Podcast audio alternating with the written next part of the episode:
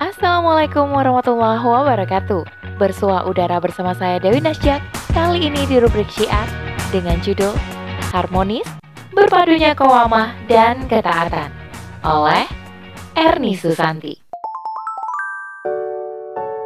Ketika Islam datang, laki-laki dan perempuan bisa hidup berdampingan penuh kebahagiaan.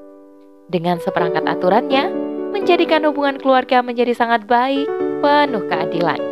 Begitu pula peran suami sebagai koam, serta kewajiban istri untuk taat merupakan aturan yang begitu adil.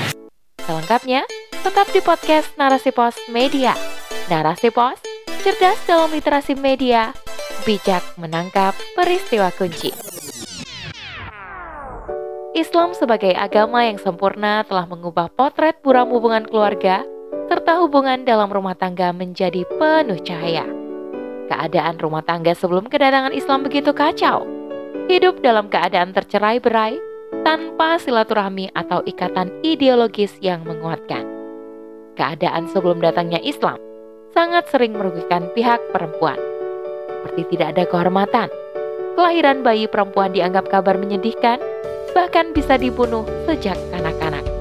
Kalaupun dibiarkan hidup, dia diperlakukan semena-mena, bahkan bisa dijadikan warisan dan dimiliki oleh siapa saja. Ketika Islam datang, laki-laki dan perempuan bisa hidup berdampingan penuh kebahagiaan. Dengan seperangkat aturannya, menjadikan hubungan keluarga menjadi sangat baik, penuh keadilan. Begitu pula peran suami sebagai koam, serta kewajiban istri untuk taat merupakan aturan yang begitu adil. Keberadaan koamah sebagai fondasi dalam rumah tangga sangat penting, serta sangat berpengaruh dalam ketahanan sebuah keluarga. Keharusan adanya pemimpin dalam sebuah hubungan, institusi, atau organisasi didasarkan pada hadis Nabi Shallallahu Alaihi Wasallam. Jika tiga orang keluar untuk bepergian, hendaklah mereka mengangkat salah seorang dari mereka sebagai ketua rombongan. Hadis riwayat Abu Dawud. Nah, dalam hadis di atas tergambar bahwa untuk safar yang waktunya relatif singkat saja, perlu seorang ketua atau pemimpin. Apalagi dalam hubungan keluarga yang akan dijalani cukup lama. Maka, keberadaan seorang pemimpin adalah sebuah keniscayaan. Dan peran menjadi pemimpin dalam rumah tangga bagi seorang suami merupakan peran yang ditunjuk langsung oleh Allah Subhanahu wa taala dan peran ini tidak bisa dibalik atau ditukar. Allah Subhanahu wa taala berfirman, "Kaum laki-laki itu adalah pemimpin bagi kaum wanita." Hal ini karena Allah telah melebihkan sebagian mereka atas sebagian yang lain, dan karena mereka yakni laki-laki telah menafkahkan sebagian dari harta mereka. Quran Surah An-Nisa ayat 34 Sangat jelas bahwa peran suami sebagai pemimpin dalam rumah tangga merupakan peran yang telah ditentukan oleh Allah Subhanahu wa taala. Ketentuan ini tentu bukan bentuk diskriminatif terhadap kaum perempuan.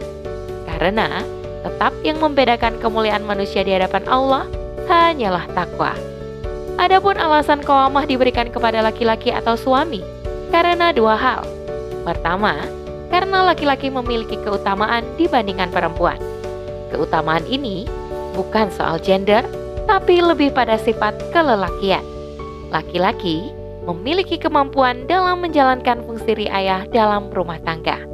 Pengurusan yang meliputi penjagaan yang luar biasa terhadap seluruh anggota keluarganya, menetapkan segala keputusan, mendidik, serta menetapkan visi dan misi keluarga. Ibarat menaiki perahu, maka laki-lakilah yang memiliki kemampuan untuk menjadi nahkodanya. Kedua, sebagaimana dalam surah An-Nisa di atas, karena laki-laki telah menafkahkan sebagian harta mereka. Hal ini pula yang kemudian mengharuskan penafkahan itu ada di tangan suami. Sekalipun pada suatu keadaan, pendapatan suami lebih kecil dibandingkan istrinya, tetap penafkahan itu tidak boleh beralih. Istri bisa menjadikan pendapatan yang lebih besar sebagai sedekah. Sebagai makhluk yang sama-sama diciptakan oleh Allah Subhanahu wa taala, seorang istri harus yakin bahwa apa yang telah ditetapkan Allah merupakan penetapan yang terbaik. Tak perlu menggugat, mempertanyakan, apalagi menentangnya.